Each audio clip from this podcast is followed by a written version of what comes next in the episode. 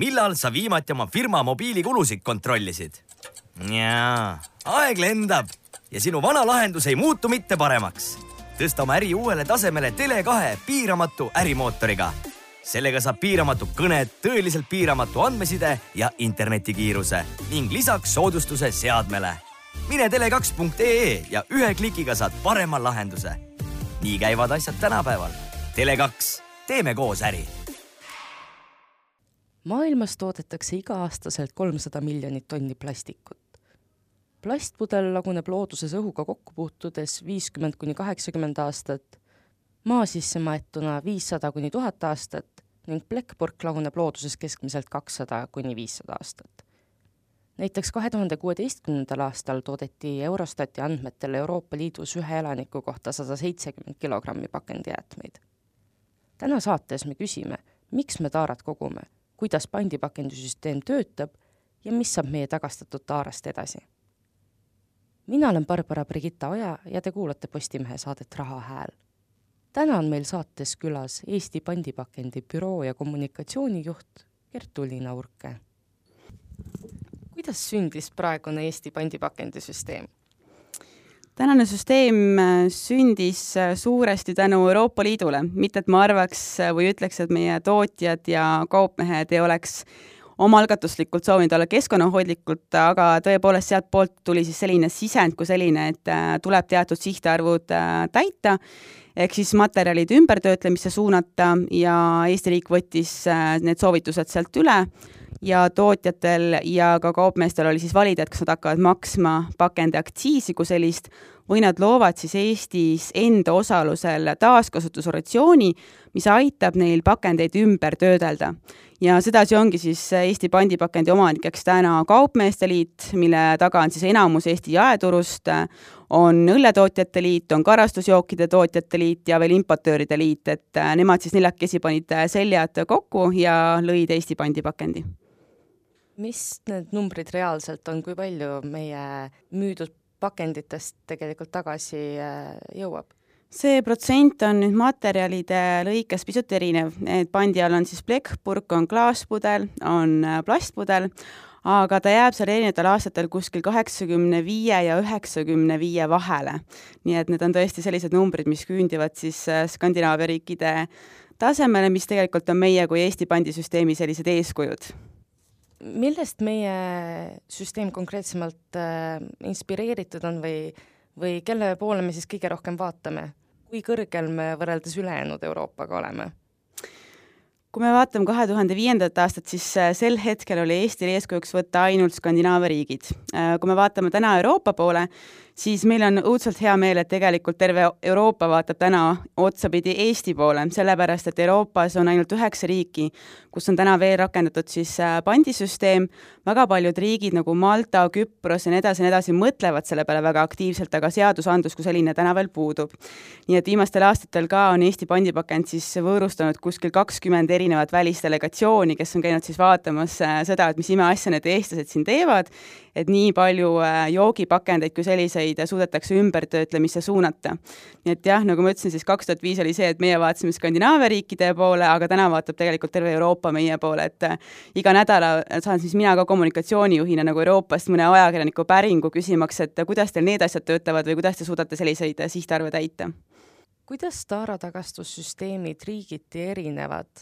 Euroopas on äh, taaskord kasutusel erinevad süsteemid, üks on nendest on siis konteinerkogumisviis, mis on tegelikult kasutuses ka Eestis. et pandisüsteem ei ole Eestis kindlasti ainukene pakendite taaskasutamise viis, vaid näiteks äh, toidupakendid, joogipudelid, mis ei ole Eestis pandi all, saab kõik panna siis pakendikonteineritesse siis teine variant on veel ka koti nii-öelda süsteem, et meie teame seda kollase koti teenusena kui sellisena, kus siis eramajade mõningad piirkonnad Eestis saavad tellida endale kollase koti ja siis sa saad kõik oma pakendid sinna segamini sorteerida ja hiljem siis jäätmejaamas tehakse järelsorteerimist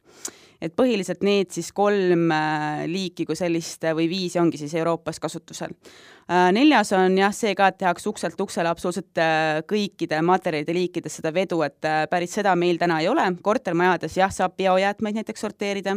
saab teha paberipapi sorteerimist äh, ja siis on olmeprügi, aga tegelikult võiks olla üht-teist ju seal veel, et näiteks pakendid kui sellised võiks ju mugavalt oma kodu juures konteinerisse sorteerida,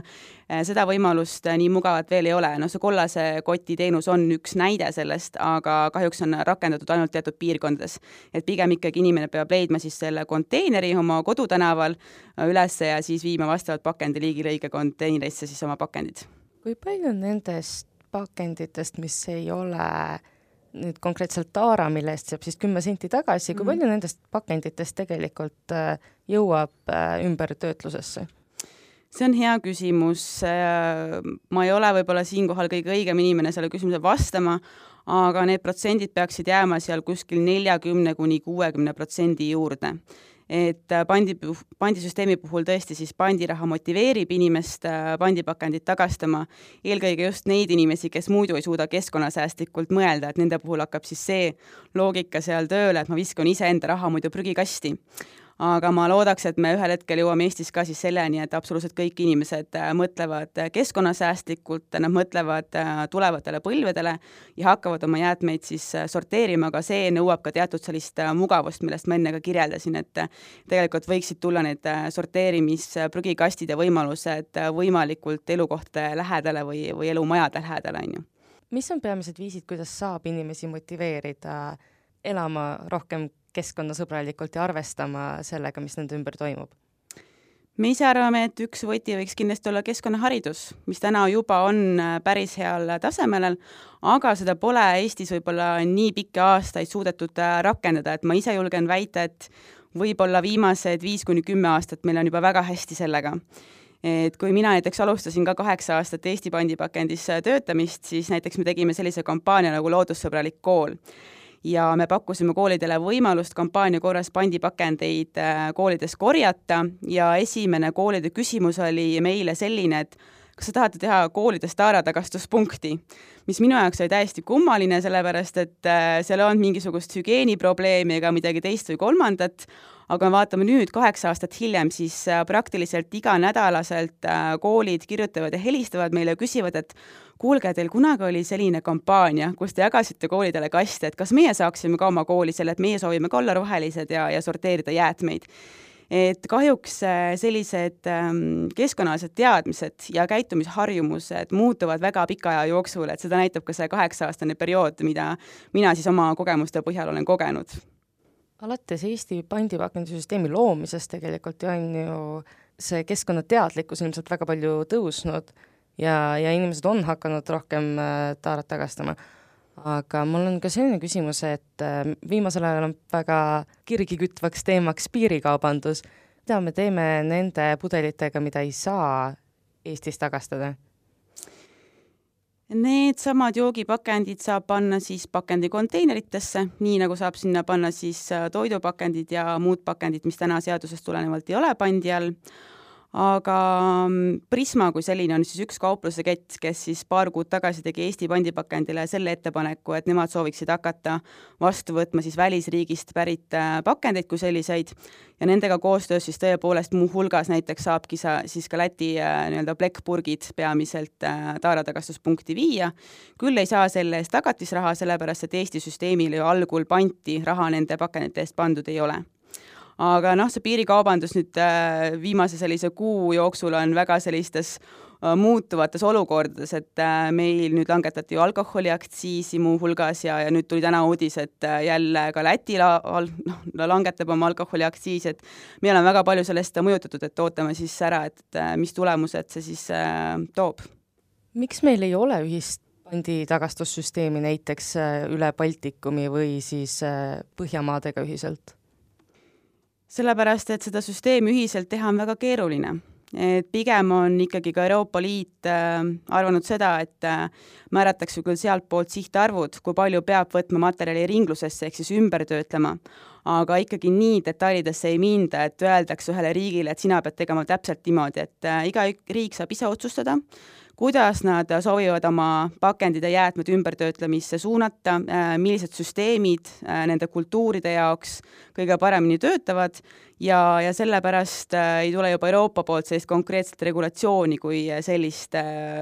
riikideüleseks pandisüsteemide rakendamiseks aga kui me räägime näiteks siin Baltikumi ühesest äh, pandisüsteemist kui sellisest, siis äh, see tundub ka väga lihtne tarbijate vaates, aga see köögipool on väga keeruline. et kuidas me siis esitame nii-öelda need äh, sihtarvude täitmisi, siis hakkavad need pandipakendid üle piiride jooksma, siin on erinevaid riikidepõhiseid triipkoode tarvis, siin on vaja katusorganisatsioone kui selliseid, et see on märksa keerulisem, kui esialgu tundub. ja kokkuvõttes meie hinnangul see tuleb ka kokkuvõttes ka kallim kui teha seda ühe riigi põhiselt. kas see on selline asi, mille poole tulevikus püüelda? meie hinnangul ei ole see viis või suund, mille poole, poole peaks pöörduma, et igal riigil võiks ikkagi jääda endale otsustusõigus, millist süsteemi rakendatakse ja, ja kuidas seda tehakse. tore on muidugi, et äh, Läti täna mõtleb pandisüsteemile väga tõsiselt, äh, Leedus on see juba rakendatud, äh, seda tehti siis paar aastat tagasi, Eestis kümme aastat hiljem, aga sellegipoolest jõuti selleni aga seda siis võiks olla, jah. kõik, kõiki pakendeid, mis jõuavad tagasi taarapunkti, neid tegelikult ei saa ju ümber äh, töödelda. missugust plastikut saab ümber töödelda, mis saab klaasist, mis saab metallist? absoluutselt kõik pakendiliigid ja materjaliliigid, mis täna on Eestis pandisüsteemiga liidetud, lähevad sada protsenti ümbertöötlemisse. seal ei ole ühtegi materjaliliiki, mida ei saaks ümber töödelda Äh, seda nii siis äh, plastiku puhul, milleks on PET-plastik, mis on ähm, kasutatud peamiselt siis joogitööstuses ja toidutööstuses kui sellises, mis väidetavalt inimesele on kõige ohutum, nii ohutuks kui plastikult üldse võib pidada nii et meie suuname siis kõike nii plastiku, PET-i puhul, siis plekkpurgi puhul alumiiniumi kui ka terase ümbertöötlemisse saja protsendi ulatuses. Ja klaasi puhul samamoodi, et äh, pandisüsteemis on siis äh, klaasi puhul rakendatud äh, kahte tüüpi pudelit, üks on ühekordse kasutusega klaaspudel ja teine on korduskasutatav. et ühekordne siis purustatakse, sulatatakse ja toodetakse sellest uus toode kui selline, olgu ta siis supipurk või klaaspudel, aga korduskasutatav klaas läheb siis tagasi Eesti joogitootjatele, äh, kes pesevad selle puhtaks, äh, võtavad vanad etiketid pealt äh, maha ja taastäidavad ja, ja kardu-, kasutavad neid pudeleid siis korduvalt ja korduvalt. mis sellest plastikust toodetakse? plastik läheb peamiselt tagasi joogitööstusesse, et me ise oleme aastaid ka keskkonnaharidusprogrammide raames lastele rääkinud seda, et saab teha plastpudelitest ka erinevaid tekstiilmaterjale näiteks puhastuslappe, vatiini, näiteks spordisärke, et keskmiselt ühe spordisärgi tegemiseks kulub kuskil seitse suurt plastpudelit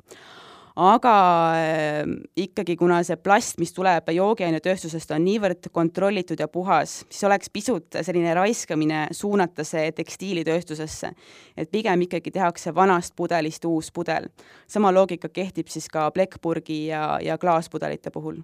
kui ressursimahukas see ümbertöötlemine on, tegelikult on ju ikkagi ütleme, et korduvkasutamine ja pakendite vältimine on see kõige keskkonnasäästlikum viis. aga kui, kui palju läheb selleks energiat, et äh, ühest plastpudelist midagi uut toota?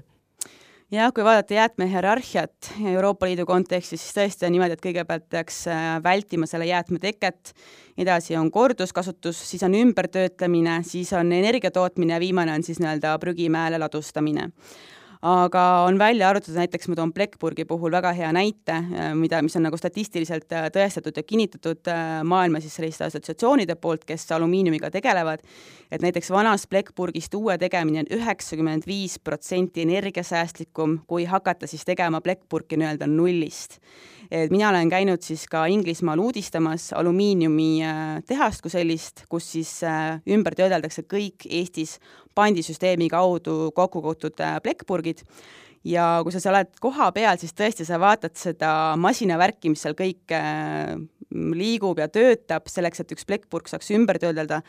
ja see on väga selline hirmuäratav vaatepilt, aga samas sellegipoolest äh, see energiasääst, mis sealt äh, tekib, on tohutult suur, võrreldes sellega, kui minna siis nullist alumiiniummaaki kaevandustes kaevandama ja nii edasi ja nii edasi. ja siiamaani äh, on ju kasutuses kuuekümnendatel kasutuse, kasutusele võetud plekkpurgi materjal, valdav osast on jätkuvalt ringluses, kuna ta on niivõrd hea ümbertöödeldav materjal sa tõid just välja, et äh, käisid Inglismaal vaatamas, kuidas, kuidas plekkpurke ümber töödeldakse. kus meil peamiselt siis need ülejäänud materjalid ümber töödeldakse ja kuidas need sinna jõuavad? plasti puhul läheb ta valdavalt äh, Baltikumi, äh, Lätti ja Leetu, kus siis tehakse sellest helves ja graanul oleks ju tore, kui me saaks teha iseenesest sellest äh, plastpudelist helvest ka siinsamas Eestis. Ja Eesti pandipakend oli ka valmis tegema seda investeeringut, me saime isegi Keskkonna ja Investeeringute Keskuselt selle tarbeks toetuse, aga kahjuks ähm, see juhtus olema aeg, ajal siis, mil äh, tekkis piirikaubandus Eestis. Ja selle tulemusel siis Eesti pandipakendi nõukogu otsustas, et äh, seda investeeringuriski ei juleta praegu teha nii et hetkel jah, sellepärast läheb ta siis jätkuvalt äh, Baltikumis ümbertöötlemisse. Ja klaas, äh, läbipaistev klaas läheb Järvakandi klaasitehasesse, kus ta siis äh, sulatatakse üles tuhande kahesaja kraadi juures, seal klaasitehases mina olen ka käinud uudistamas, vaatamas, kuidas need pudelid siis äh, uuesti valmis tehakse. Ja läheb ka Soome või mõnesse lähimasse naaberriiki siin. kui meil hetkel, meil on purgid, klaaspurgid äh,, plastpudelid, miks meil ei ole pandisüsteemis näiteks supipurgid või veinipudelid? ja see on selline küsimus, mida meile ikka ja jälle ja kogu aeg tegelikult selle neljateistkümne aasta jooksul on äh, esitatud. ma ei pane seda kellelegi pahaks, sest et mul on hea meel, et inimesed tahavad näha, et ka need jõuaks kindlasti ümbertöötlemisse ja täna nad pakendikonteinerite kaudu sinna ümbertöötlemisse ka jõuavad, kui inimene see sinna paneb.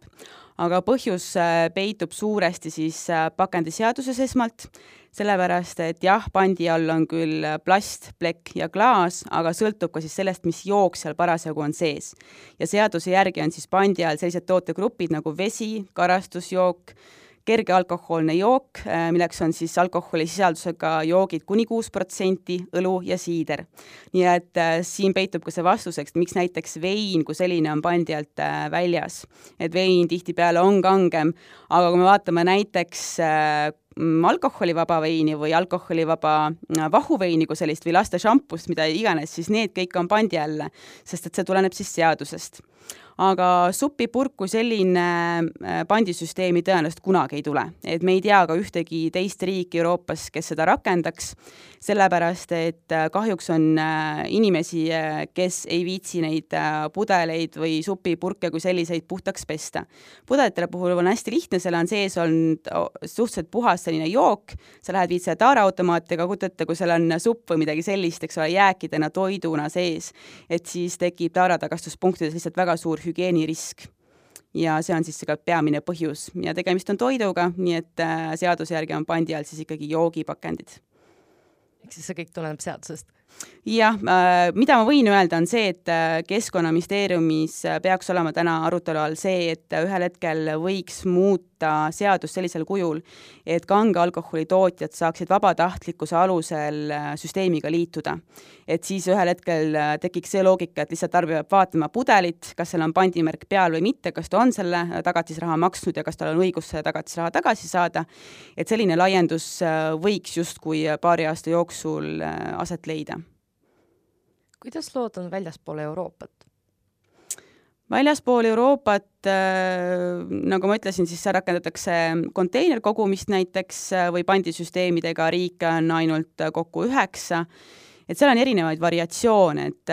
et kus on näiteks plastik või plekk pandi all, kus on ainult näiteks klaaspudel, aga ei ole plastik ja plekk, et see sõltub täpselt riikide enda regulatsioonidest ja otsustest.